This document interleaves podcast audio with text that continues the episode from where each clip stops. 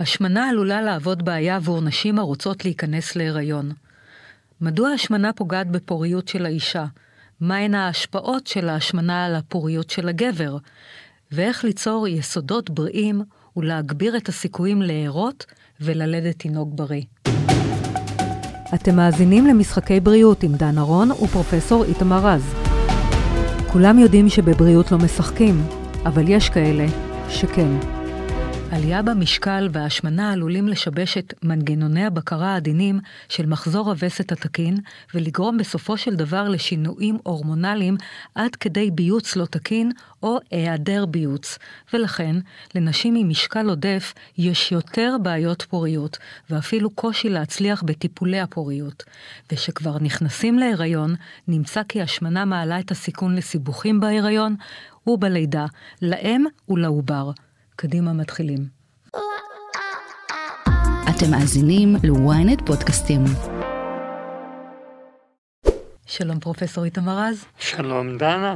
היום אנחנו הולכים לדבר על uh, כל עניין של משקל עודף, איך הוא משפיע על הפוריות שלנו, ואחרי זה על הריון, ואחרי זה על לידה, גם על האם וגם על התינוק, ויש להן השפעות. וגם על עתיד הילד אפשר לדבר, לפעמים זה גם משפיע על העתיד המאוחר יותר של הילד. שלום לך פרופסור ירון רבינוביץ', מומחה לך. לפוריות ומילדות, אגף נשים ויולדות, מרכז רפואי שיבא, תל השומר. הפודקאסט נעשה באופן בלתי תלוי וללא השפעה על התכנים, כשירות לציבור על ידי חברת נובו נורדיסק. אז אני רוצה להתחיל ה... על... לדבר על ההשפעות של משקל עודף על הווסת. כשמדברים על משקל עודף, מדברים על רקמת שומן. וצריך להבין שרקמת השומן היא לא רק משקל, אלא היא איבר שמפריש הורמונים, מפריש חומרים שמשפיעים על כל מערך הגוף. Mm-hmm. לכן זה לא רק עניין של המשקל, אלא זה עניין מה התאים הללו, תאי השומן הללו, עושים ומשבשים בגוף. מה וכשמד... בעצם מפרישות רקמות השומן האלה? איך הן משבשות? הייתי מגדיר לפחות שלושה מנגנונים מאוד מאוד חשובים. Mm-hmm. האחד, הם גורמים לכך שהרגישות של הגוף לאינסולין פחותה. אם היא פחותה, הגוף צריך להפריש יותר אינסולין. לכן יש לנו יותר סכרת, לכן יש לנו כל מיני השפעות של אינסולין על איברים שאנחנו לא רוצים. דבר שני, רקמת השומן פועלת גם כהורמון. מעטים יודעים את זה, אבל רקמת השומן מעלה את ההורמון הנשי אסטרוגן אצל נשים ואצל גברים. אצל נשים זה גורם לכך שהמחזור העדין של מחזור הווסת משובש. אצל גברים זה גורם לכך שהם פחות, במרכאות, עם הורמונים זכריים, זה פוגע בזרע, זה פוגע אפילו בתפקוד המיני. והדבר השלישי שהוא מאוד חשוב, זה שרקמת השומן פועלת כמנגנון שמייצר דלקות בכל הגוף, ולכן גורם לתחלואה של כל הגוף, וזה עדיין אפילו לא הכל. אז אם אנחנו מתמקדים במחזור הווסת, אישה שעולה במשקל, בסופו של יום זה עלול לגרום לכך שהמחזוריות שהאישה חווה כל חודש, עם ביוץ באמצע ווסת, אה, במידה והיא לא נכנסת להיריון, לא הרע, המחזוריות הזאת משתבשת. הביוץ יכול להיות יותר מאוחר, יכול להיות לא בזמן, או אפילו להיעלם. וברור שדברים כאלה משפיעים לרעה על הפוריות. אתה יודע, כשאתה מדבר, פרופסור, אני בדיוק חושבת, יש גם את הצד הנגדי, שנשים שיורדות המון במשקל, שלא נדבר על אנורקסיות, אז הן מאבדות באמת את המחזור. אז כלומר, בשני, משני הקצוות לא טוב להיות. אמרת את זה נכון לגמרי. הגוף יש לו מין שר אוצר, שיודע מה הוא עושה, ושככזה בא ואומר, רגע, אם יש מעט מדי, mm-hmm. אני לא רוצה פוריות, ואם יש יותר מדי, אני לא רוצה פוריות, ואיכשהו סוגר את הברז. I... ולכן נשים עם, עם, עם, עם, עם השמנת יתר חוות שינויים הורמונליים, לא רק אפרופו ביוץ, אקנה יכול להיות, סיור יתר יכול להיות, נשירת שיער, עם כל המנגנונים האחרים שכמובן משפיעים על הבריאות הכללית. אה, מדובר, נניח ומדובר בנשים שכל חייהן היו בעודף משקל.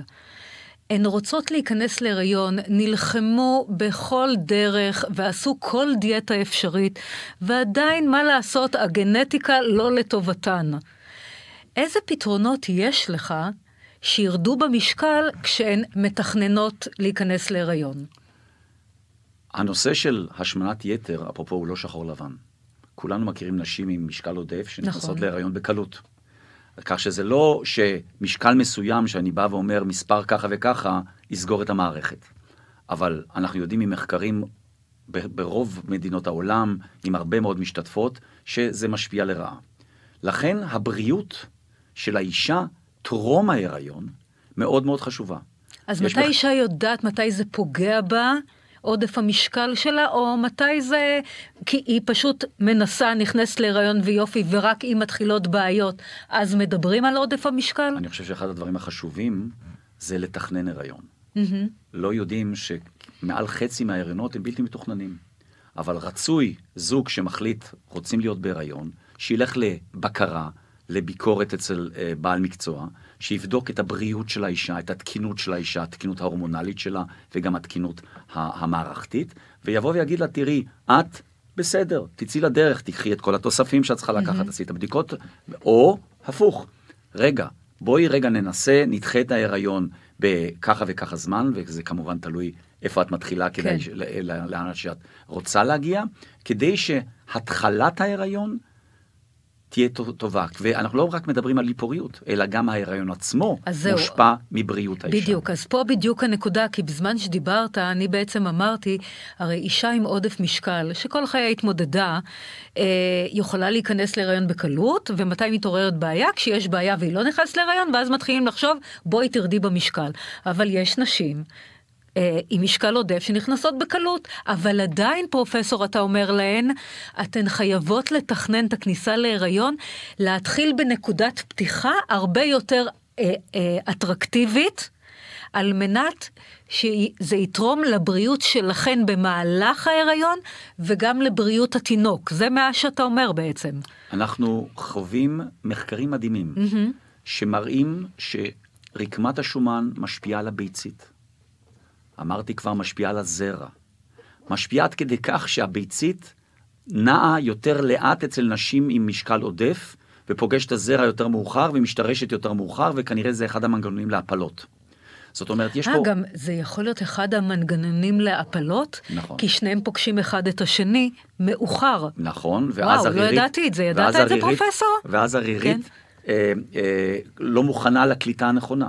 זאת אומרת, יש פה באמת מעגל קסמים שצריך לצאת ממנו כמה שיותר מוקדם, כדי אה, למנוע סיבוכים, ועוד לא דיברנו על כך שגם אה, ריבוי משקל גורם למומים יותר אצל העוברים. זאת אומרת, יש פה מנגנונים שמאוד מאוד משמעותיים. בוא נעצור רגע. השאלה המרכזית היא, אישה נניח עם BMI 35, אישה שמנה מאוד, אתה בעצם, אה, השאלה שדנה שאלה אותך, האם אה, להשאיר אותה כפי שהיא, אה, יש סיכוי טוב מאוד שתיכנס להיריון, אה, או יותר נכון להגיד, בואי ננסה להרזות אותך משתי סיבות. אחת, שלפני ההיריון את עם עודף שומן גדול, ובהיריון, הרבה פעמים הסיכוי שתצברי משקל יתר, כן? אם אישה ממוצעת מצופה אה, להעלות משקל סדר גודל של עשרה קילוגרם, 12 קילוגרם, יש נשים רבות שמעלות 30 קילוגרם בהיריון. אז השאלה היא, מה צריכה להיות הטקטיקה? האם צריך לקחת אישה שרוצה להיכנס להיריון ולהגיד, תראי, בואי ננסה במשך חצי שנה או שנה להוריד משקל, ואם דנה צודקת, היא כבר ניסתה מסיבות כאלה או אחרות לא קשורות, בוא ניתן לה אה, זריקות להורדת השמנה. בוא נעשה ניתוח קיצור קיבה. מ- מתי נעשה מה, את הדברים ניתוח האלה? קיצור קיבה לפני כניסה להיריון? כן, הדברים האלה נעשים. וואו. כי הנקודה זה היא... נראה לי כאילו... לא, לא, אה, מה שפרופסור כן. אה, איתמר רז אומר כמובן צודק לגמרי. אחרי שאנחנו יודעים כמה קשה לרדת במשקל. אם לא היה נכון. קשה, אז רובם, כן, רובנו מדברים היינו על רזים. אותן נשים שלא נכון. מצליחות. אז הנקודה הראשונה היא איפה אתה מתחיל. כמה אתה מתחיל גבוה ולאן אתה רוצה להגיע. כי גם להגיע מהר מדי לירידה במשקל פוגע גם כן בפוריות. זאת אומרת, אתה צריך לעשות את זה בצורה מתאימה ולחיית את הבגד שיתאים אז מה לאישה. זה, מה זה צורה אז יש לנו- מתאימה? להוריד אישה, נניח אישה יש לה 20 קילו עודף במשקל, ואני רוצה להוריד לפחות עשרה. אה, תוך כמה זמן? תוך שלושה חודשים, חצי שנה, מה, מה זה זמן על מתאים? מנת לא לפגוע בפוריות כן. אז ובווסת. כמו שרמזת נכון, יש כל מיני דרכים. דבר אחד, זה כמובן, וזה תלוי אפרופו גם בגיל האישה. זאת אומרת, אם באה אליי אישה מבוגרת, ואני בא ואומר לה, רגע, תעצרי לשנה, היא תבוא ותגיד, ובצדק, הפוריות. שלי, הפוריות שלי עלולה להידרדר יותר מאשר נכון. הפו- ה- ההשמנה מזיקה לי. נכון. אז אתה צריך לקחת את, ה, את המכלול ולראות מה מתאים לאותה אישה, כמה ה-BMI שלה חריג, כמה אתה רוצה לרדת, וכמובן הירידה צריכה להיות הגיונית ולא בבת אחת, כי כמו שאמרנו מה זה קודם, הגיונית אבל? הגיונית זה משהו כמו שני קילו לחודש, קילו יפה, לחודש. יפה. אוקיי. לא, זה- אבל אם אישה צריכה לרדת 20 קילו, נכון, ואז, אז בואו. אז לא, כן. אז ואז יש את המקרים הקיצוניים, וכמו שאנחנו לומדים לאחרונה, הזריקות שמשתמשים בהן בשנים האחרונות לאיזון סכרת, שגם הראו שקיימת ירידה במשקל בעקבותם, משפרות גם את הפוריות. יש מחקרים ראשוניים, אבל מאוד מאוד משכנעים, שלקחו נשים שהיו צריכות אה, טיפולי הפריית מבחנה. הפריית מבחנה, ונתנו לחלק זריקות לפני כן, ולחלק לא. ואלה שקיבלו את הזריקות, היו להם תוצאות הרבה יותר חיו טובות ומוצלחות בהפריית מבחנה אחרי גמר הזריקות, מאשר אלה שלא. אבל היום אנחנו גם קצת חוששים מההשפעות הטרטוגניות, השפעות על העובר אז של זהו, הזריקות. אז זה ישר זורק אותי, למה, וכמובן כל למה אם אתה חושש שרוצה. מהשפעה כן. טרטוגנית? כי זה עדיין לא הוכח כבטוח. אה, יכול מאוד להיות שעם הזמן ועם הניסיון, הזריקות האלה יהיו פחות מסוכנות, או- אבל נכון לכרגע, כשאתה שואל, וכמובן יש זהירות יתר, כמו עם כל תרופה חדשה, אז באים ואומרים, חודשיים, שלושה הפסקה, ושם עוד פעם הסיכון. הפסקה מתי? לפני הכניסה לפני הכניסה להיריון? אבל תראה מה הבעיה. כשאתה אומר לאישה, אנחנו נפסיק חודשיים לפני הכניסה להיריון, היא יכולה להיכנס להיריון עוד חצי שנה, או תשעה חודשים. אני רוצה. לתת לך אתגר אחר. הזריקה השבועית, שאנחנו מדברים עליה, שהיא החזקה ביותר בהורדת המשקל, הזריקה הזאת, אה, אם אתה מפסיק אותה ברגע שהאישה נכנסה להיריון, נניח האישה, אתה אומר לאישה, ברגע שהמחזור שלך אה, מאחר? לא הגיע בזמנו, תפסיקי את הזריקה. זאת אומרת, היא כבר שבועיים בהיריון בתיאוריה, או סדר גודל אז כזה. זה מסוכן? רגע, כן. אני חושב שזה לא מסוכן, ואני אגיד לך מדוע. מכיוון שבהתפתחות העובר, בשישה שבועות הראשונים, לא יכולים להיות נזקים טרטוגניים. אז אם אתה מפסיק את הזריקה שבועיים לאחר הכניסה להיריון, אז היא כבר לא תהיה בגוף חודש לאחר הכניסה להיריון, שלא לדבר על זאת שהזריקה זה חומר טבעי של גוף האדם. זאת אומרת, נכון שעוד לא הוכח, אבל זאת זריקה שהיא בדיוק מחקה את הזריקה של מה שאדם מפריש מהמעיים שלו באופן טבעי. אז למה, למה להפסיק חודשיים מראש? אני חושב שאנחנו צריכים להיות מאוד מאוד זהירים, אה, כי נכון לכרגע, נכון לכרגע, זאת לא רפואה נכונה, ואם יקרה משהו לאישה, בלי קשר או עם קשר לתרופות, יאשימו-. יאשימו את הזריקה ואת זה שנתן לה אותה. ולכן אנחנו צריכים היום ללכת לפי המגבלות הקיימות. מאוד יכול להיות, והלוואי, שבעוד חמש, שש, שבע, שמונה שנים יגידו, אלה טעו, היינו יכולים להמשיך את זה יותר. יש עוד משהו נוסף, לפעמים יש ריבאונד, שהאישה מפסיקה את, ה, את הזריקות שלושה חודשים לפני, ועולה לקראת ההיריון. ברור. אז צריך לשמור על הדברים האלה בצורה נכונה, אבל אני חושב שכרגע צריכים להיות מאוד זהירים עם הזריקה. לא, אבל, אבל רגע, פרופסור, אוקיי, נניח ואני מקבלת את עמדתך, אה, אה, אני לוקחת זריקות הרזייה על מנת לרדת במשקל, אני מתכננת הריון בעוד, כשאני אגיע ליעד, יעד המשקל הרצוי, ואז אני בעצם נותנת לעצמי עוד שלושה חודשים, אה, ככה, אתה יודע, לאוורר את הגוף מהזריקות, אבל אתה יודע, מן אללה, נכנסתי להיריון. אז מה, זה דבר שאני צריכה לשקול הפלה? הפודקאסט נעשה באופן בלתי תלוי וללא השפעה על התכנים, כשירות לציבור על ידי חברת נובו נורדיסק. אני לוקח את זה עוד לפני כן. אוקיי. הזריקות לא צריכות לפעול לבד. הזריקות צריכות לפעול עם שינוי של אורח חיים. לכן אותה אישה צריכה לשמור גם על אורח חיים, למה שאמרתי קודם, כדי לא לעלות במשקל. בנוסף לזה, המלצה צריכה להיות, תימנעי מלהיכנס להיריון. אוקיי. בגלל הסיכונים, ואנחנו עושים את זה גם מדברים אחרים, לא רק עם זאת אומרת, הזריקות בלי הללו. גלולות, יש, או... יש תרופות בכ- אחרות כן, שאתה בא... אבל לא- אם היא נכנסה להיריון. ואם אם היא נכנסה להיריון, אני חושב שיש לנו דילמה שצריך לשקול ואז להחליט, אני לא חושב שזה אוטומטי, אני- שהיא צריכה לעבור הפסקת אני, הריון. אוקיי. אני רוצה פה, פרופסור רבינוביץ', אני יודע, אני קצת שונה בדברים האלה ברפואה. לדעתי, אישה שנכנסה להיריון והפסיקה את הזריקה ברגע שהיא נכנסה להיריון, לא שלושה חודשים לאחר מכן, אני לא הייתי שוקל לעשות לה הפלה. הייתי שוקל, אבל הייתי מתנגד לעשות לה הפלה. אני מציע, ואתה בטח תסכים, בוא נחקור את זה ביחד, כי אני בטוח שיש מספיק נשים בעולם, מתוך המיליוני אה, בני אדם שקיבלו את הזריקות הללו, שנכנסו להיריון תוך כדי, ואני בטוח שיש כבר registry מסוים, נכון. שאולי ישנה את ההמלצה שלי, אה, את הזהירות שלי, או יתמוך ב, ב, ב, כן, לא, בגישה אני, שלך. אני גם אומר את זה כי יש גינקולוגים. אני, אני הרי מטפל הרבה מאוד כן. בזריקה הזאת, ואני מטפל הרבה מאוד בנשים לפני הריון. ואני קיבלתי המלצות ממספר גינקולוגים שאומרים לי שברגע שהאישה נכנסת להיריון, אם היא תפסיק את הזריקה, לא צריך להיות שום פגיעה בעובר. אני מבין מה שאתה אבל אומר. בשבועיים הראשונים. כן, לא, ש... לא, אפילו אבל בשלושה שבועות הראשונים. כן? תראי, כי אם- לפעמים אישה, אתה יודע, מאחר לה מחזור, רגע, נכון. עד שהיא קולטת, עד שזה, רגע, חולף חודש זה, פלוס. רגע, אם זה שלושה חודשים נניח, כן. אז פה יש שאלה האם זה, תר... האם זה גורם נזק או לא גורם נזק. ופה צריך לשבת עם האישה ולהגיד לה, תראי, אני הייתי אומר לה שלדעתי הסיכון הוא נמוך ביותר. יש היום גם את כל המעקבים שאתם עושים אחרי אנשים בסיכ... בהיריון בסיכון גבוה, או בכלל אחרי נשים. זאת אומרת, אם משהו יקרה לעובר, אתם תדעו לזהות אותו. אבל נכון אומר פרופסור רבינוביץ', שקרוב לאחוז אחד מהנשים הבריאות, כן. יכולות להיות להם עוברים עם פגיעות.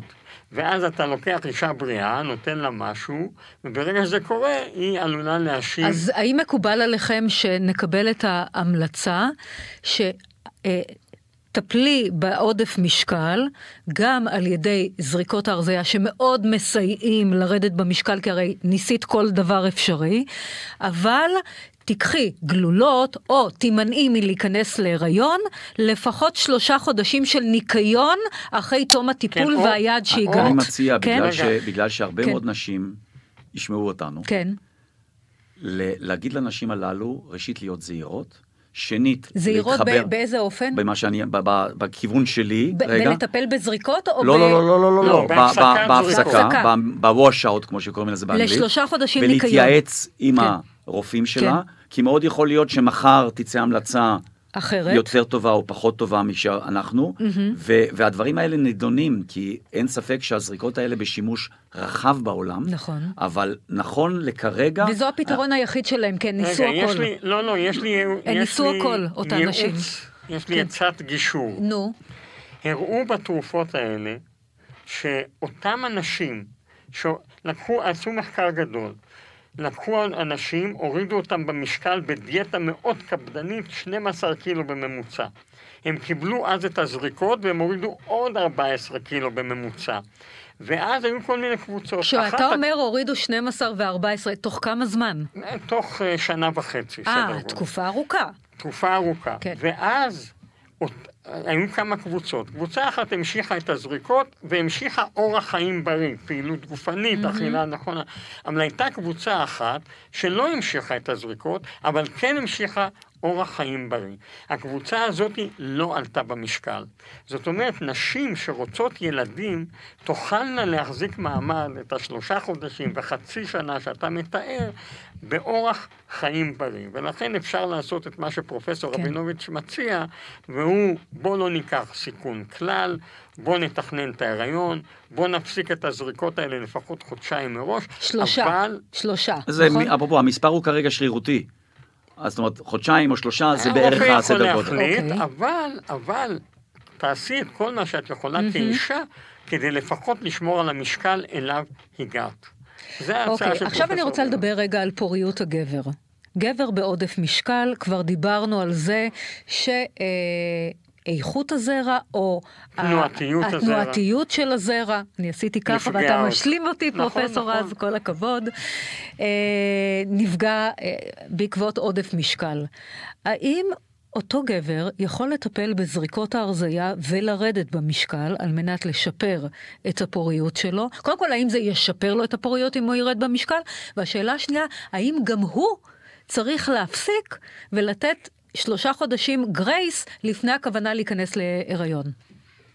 יש מחקרים מרשימים ביותר, שמראים שירידה במשקל, וכרגע אני לא מדבר על איך, משפרת את האיכות הזרע אצל גברים גם את מספר משקל- הזרע. סליחה? גם את המספר. כן, כן. זאת אומרת, גם את האיכות- תנועתיות וגם איכות הכל. הפרו... לא, איכות זה ארבעה מדדים. אוקיי. זה נפח, זה, זה, זה כמות, זה תנועתיות ומבנה. זאת אומרת, האיכות, אני כרגע לוקח את זה כ, כמדד. זאת אומרת, גברים שהיה להם בעיית זרע, שירדו במשקל, שיפרו את איכות הזרע, ויש לנו גם, גם את כל הנושא שאולי קצרה היום הדרך לדבר עליו, כל האפיגנטיקה, שזה לא גנים, אלא סביבתיות שמשפיעה לרעה על הביציות ועל הזרע, שגם זה משתפר.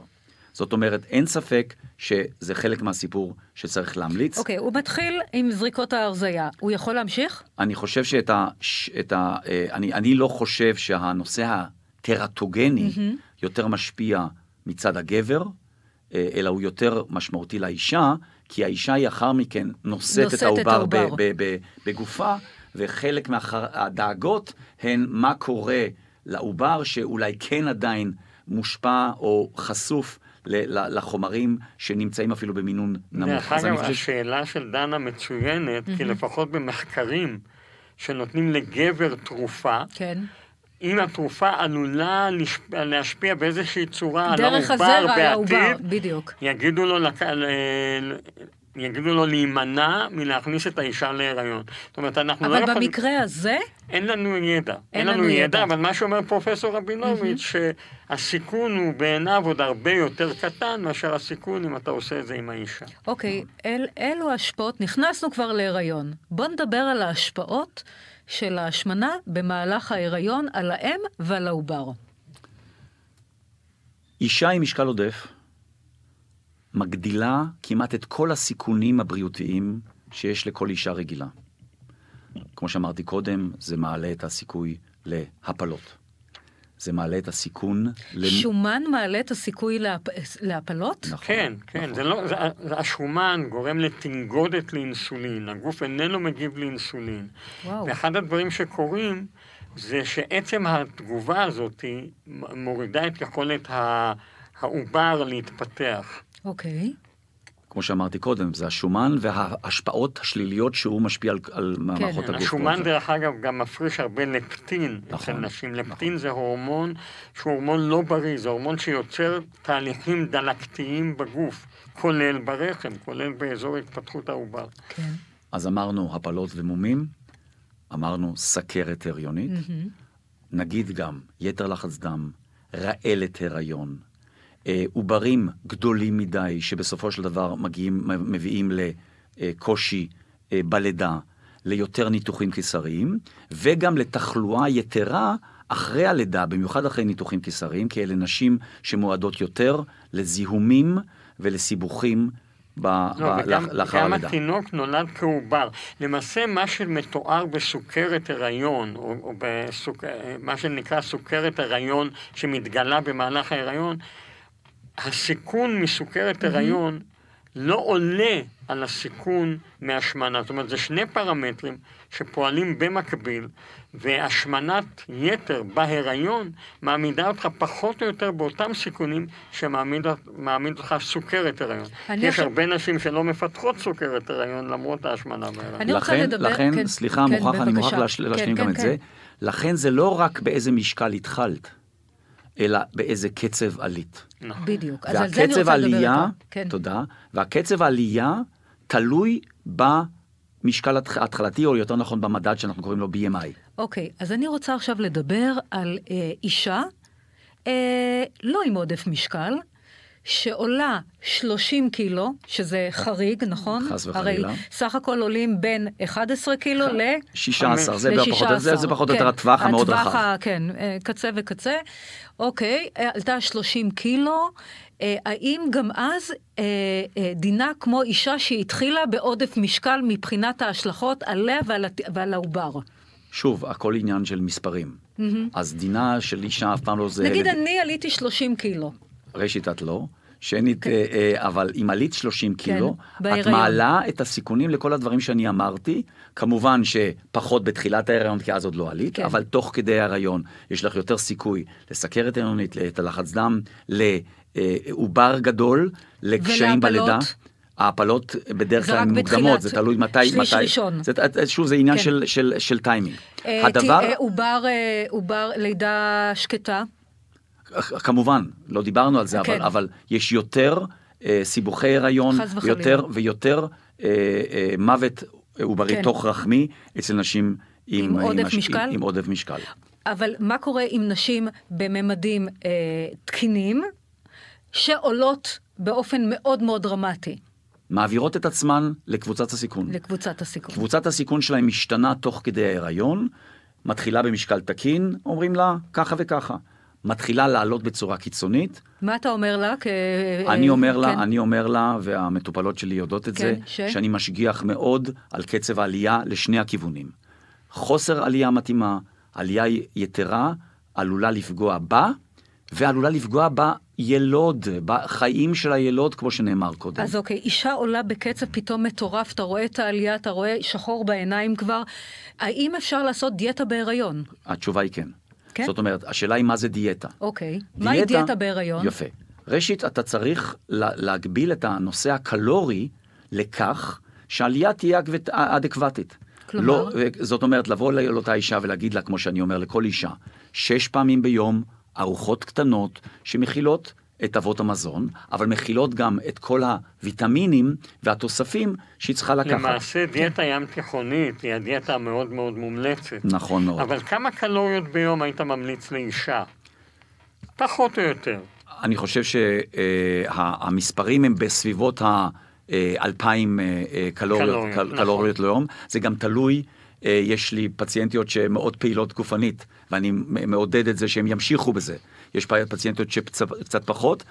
בסופו של יום, אני כרופא נשים מתמקד בדלתא שהיא עולה אם בכל אישה- חודש. אם אישה עולה במשקלה יותר ממה שצריך, אז בעצם רצוי לתת לה דיאטה דלת קלוריות. האם תעשה כזה דבר? אם תיתן משמעית. אלף קלוריות או אלף מאתיים קלוריות? חד משמעית, אני, נשים שהן באות אליי משקל עודף מאוד, שהן כבר בהיריון, אני ממליץ להם ושומר מאוד שהעלייה במשקל תהיה מאוד מאוד מאוד איטית ומתונה, עד כדי מספר קילוגרמים בלבד. אתה ממליץ להם גם על פעילות גופנית? חד משמעית, גם כמובן שזה בשלבים הראשונים. זה זה, תלוי- לא מעלה, זה לא מעלה הפלה למשל. זה לא מלא הפלה, וזה גם תלוי בכושר הגופני שלה. זאת אומרת, לא, אבל נשים אם של... היא- האישה היא פדלה, אז פתאום היא תתחיל לעשות כושר? יפה. אז פדלה אם, מדברת. כן. ראשית, כן. ראשית, אם האישה, הרבה מאוד נשים באות דווקא הפוך. שהם אה, כן.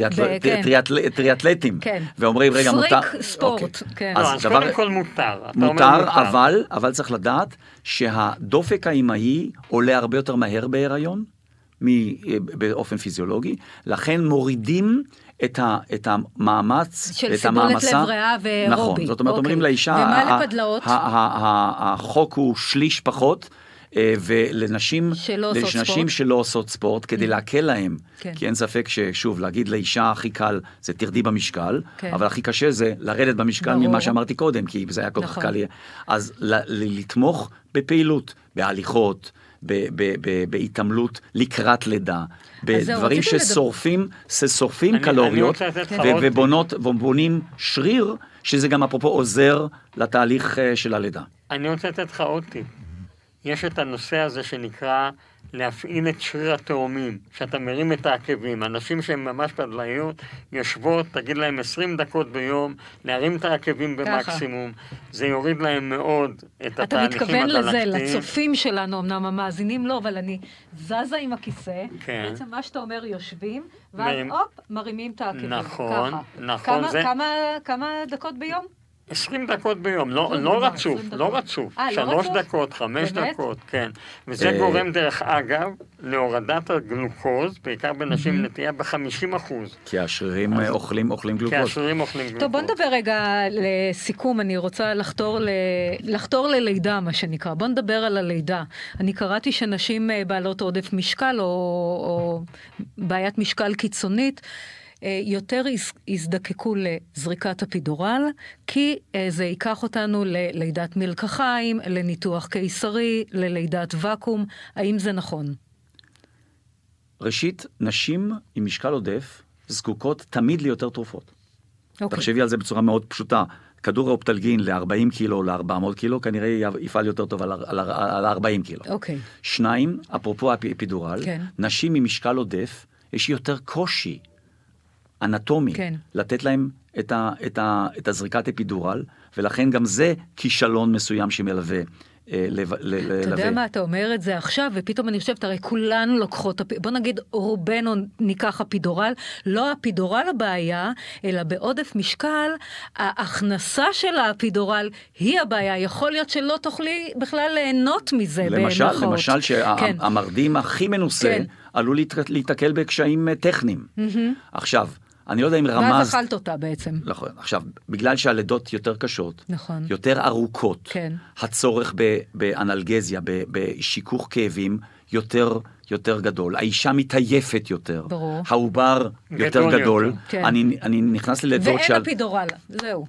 וגם אם יש אפידורל. אז זה אני אומר נכנס יותר יותר... ניתוחים קיסריים. סליחה? זה אומר יותר ניתוחים נכון, קיסריים. נכון, אז בסופו של דבר אני מגיע יותר לניתוחים קיסריים, לא, לא לעיתים רחוקות ניתוחים קיסריים בגלל סבל עוברי בגלל הלידה הממושכת, לידה, ניתוח קיסרי דחוף, עם הקושי בניתוח הקיסרי ברור, זה הדחוף, אחרת חירום וכמו. שאמרתי קודם, וכמו שרמזתי קודם, אישה עם משקל עודף, ההתאוששות שלה מהניתוח יותר מסובכת, יותר יותר זיהומים, יותר שומן, זיהומים, יותר שכבות, נכון. דיברנו גם קודם על יותר כוח, אין ספק שמישהו שהוא בכושר גופני יותר טוב מתאושש מניתוחים יותר טובים, וזה גם משפיע על חוויית הלידה ועל הקשר אם עובר, אם ילוד אה, מתחילת ברור. הדרך. אני, אני רוצה שתי שאלות לפני כן. שאנחנו סוגרים. שאלה אחת, דיברנו על פעילות גופנית. מה עם פעילות כוח?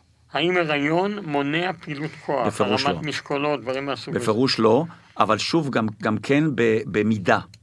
אה, אסור לשכוח מהרמת משקולות שחלק מהמשקל הוא על האגן, אוקיי? וזה יכול לגרום לשינויים במבנה האגן. זאת אומרת, צריך פעילות אבל, נכונה. אבל פעילות נכונה, אה, שרירי בטן, שרירי רגליים, שרירי ידיים, גם עם הסיבות הפיזיולוגיות שאתה אמרת, בפירוש, בפירוש אה, עוד לטובה. שאלה אחת, האם היו לך נשים שהמלצת להם על אה, ניתוח קיצור קיבה לפני כניסה אה, להיריון? על זה לא דיברנו. לא דיברנו, כן. והנקודה היא בפירוש קיימת. אבל, ראשית, נשים שעוברות קיצור קיבה יורדות במשקל, אוקיי. אבל מקבלות מניעה מהיריון, לפחות, זה תלוי בכירורג, זה תלוי בטכניקה, בין שישה ל-18 חודשים. למה? זאת אומרת, שנה וחצי, forget כי היר. הירידה היא דרסטית, את אמרת ודיברנו כן. על זה קודם, מה, וסת מה, וזה מה, שמתחיל נכון, לגמגם. הספיגה של ויטמינים, של, של, אה, של, אה, אה, של אה, אבות המזון ירודה, ולכן אתה רוצה להביא את, ה, את אותה אישה למצב יציב ובריא. ולי יש כרגע, בימים אלה, מישהי שאחרי ניתוח מוצלח, ירדה במשקל, נמצאת בהיריון, ועדיין יש לה קושי תוך כדי ההיריון לאזן את המאזן האנרגיות שלה בהתאם, אה, בהתאם זאת לניתוח. אומרת, אני בעצם לוקחת, אז ההמלצה שלך, פרופסור, היא על ידי זריקות ההרזייה, כי, לא, כי ניסית הכל ולא הצלחת, זה יכול לסייע לך לרדת במשקל. אה, במקרים מאוד קיצוניים, לשקול קיצור קיבה.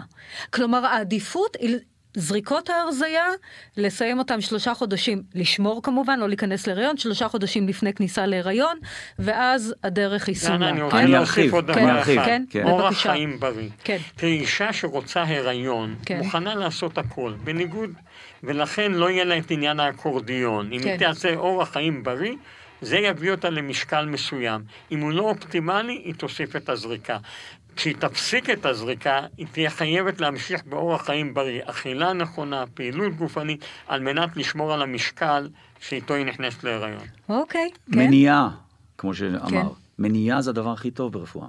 זאת אומרת, לא להגיע אפילו למצבים שאתה צריך את הקיצוניות של זריקות ושל... אה, של בסדר, אבל יש אנשים, לא, אה, ברור, פרופסורים, שהם עם. עודף משקל, נו, מה נעשה?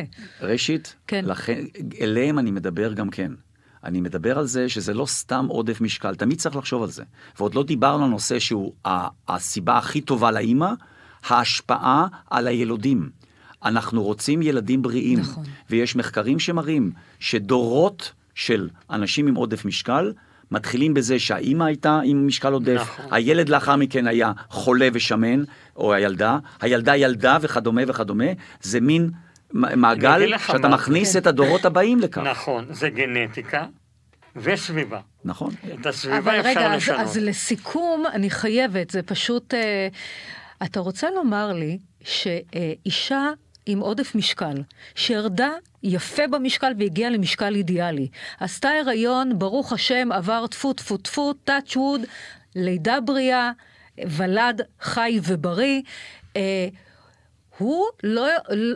זאת אומרת, הפוטנציאל שלו להיות ילד שמן, כי יש לו גנטיקה של אם שמנה שירדה במשקל, הוא יותר נמוך מאשר האם החלה הריון כאישה שמנה? חד משמעית. חד משמעית. חד משמעית. אפילו- כלומר, לתינוק שלה היא בעצם לא, לא, מבטלת רגע, את הגנטיקה רגע, של. ההשמנה? היא, היא מבטלת את האפיגנטיקה, כן? צריך להבדיל. אוקיי. אפיגנטיקה זה, שזה אומר? זה, זה שינויים בגנום שמתבצעים על ידי התנהגות. וואו, זה מדהים בעיניי. נכון, ולכן זה זה כל כך. חשוב. אבל ככה זה כל מחלה. מה שקורה, עובר שגדל בסביבה שומנית, כן. דלקתית, הוא מפתח בעצמו רקמת שומן מאוד מאוד גדולה, לכן הוא גם גדול. רקמת השומן לא נעלמת.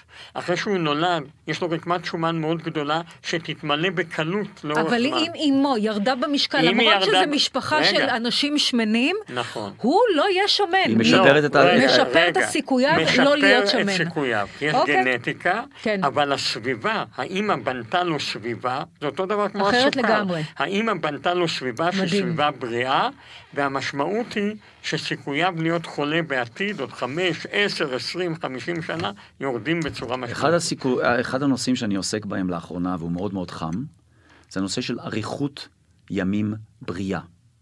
והתזה שלי, ואני לא לבד בתזה הזאת, שאריכות ימים בריאה מתחילה ברחם. וואו. מתחילה מדהים. ברחם. ברור. הסביבה הרחמית היא אחד המדדים אני חייבת שמעריכים... לעשות על זה פודקאסט אני ולהעריך על מש- זה. אני חושב שאת צודקת וואו, לגמרי. זה פשוט מדהים. נכון. אני פשוט, אני קיבלתי פה אינפורמציה שאני פשוט עף לי המוח. ש, אה, שמשפחה שמנה יכולה לקטוע את עניין ההשמנה לדורות הבאים. כמו על ידי- סוכרת, ממש דנה. ככה, כן. אותו דבר. טוב, אם פודקאסט הסביבת הבא. הרחם היא בריאה יותר, הילד יצא בריא יותר. מושלם, פרופסור אה, ירון רבינוביץ', תודה רבה לך על האינפורמציה. תודה לכם. תודה רבה לך, פרופסור איתמר רז. נודה לצוות שלנו, לבימאי שלנו, צפריר אה, שורקי, מפקח טכני טל חדיה, עורכת הגר כוכבי, והמפיקות קשת מאירוביץ' וניצן כהן. תודה רבה לכם. תודה רבה. הפודקאסט נעשה באופן בלתי תלוי וללא השפעה על התכנים, כשירות לציבור על ידי חברת נובו נורדיסק. תודה שהאזנתם למשחקי בריאות. מדי שבוע מחכים לכם שלושה פרקים חדשים בוויינט, ואתם מוזמנים ומוזמנות לעקוב אחרינו, לקבל התראות לפני כולם, בספוטיפיי, באפל ובכל אפליקציות הפודקאסטים. ואם אתם כבר שם, נשמח אם גם תדרגו אותנו. נתראה בפודקאסט הבא.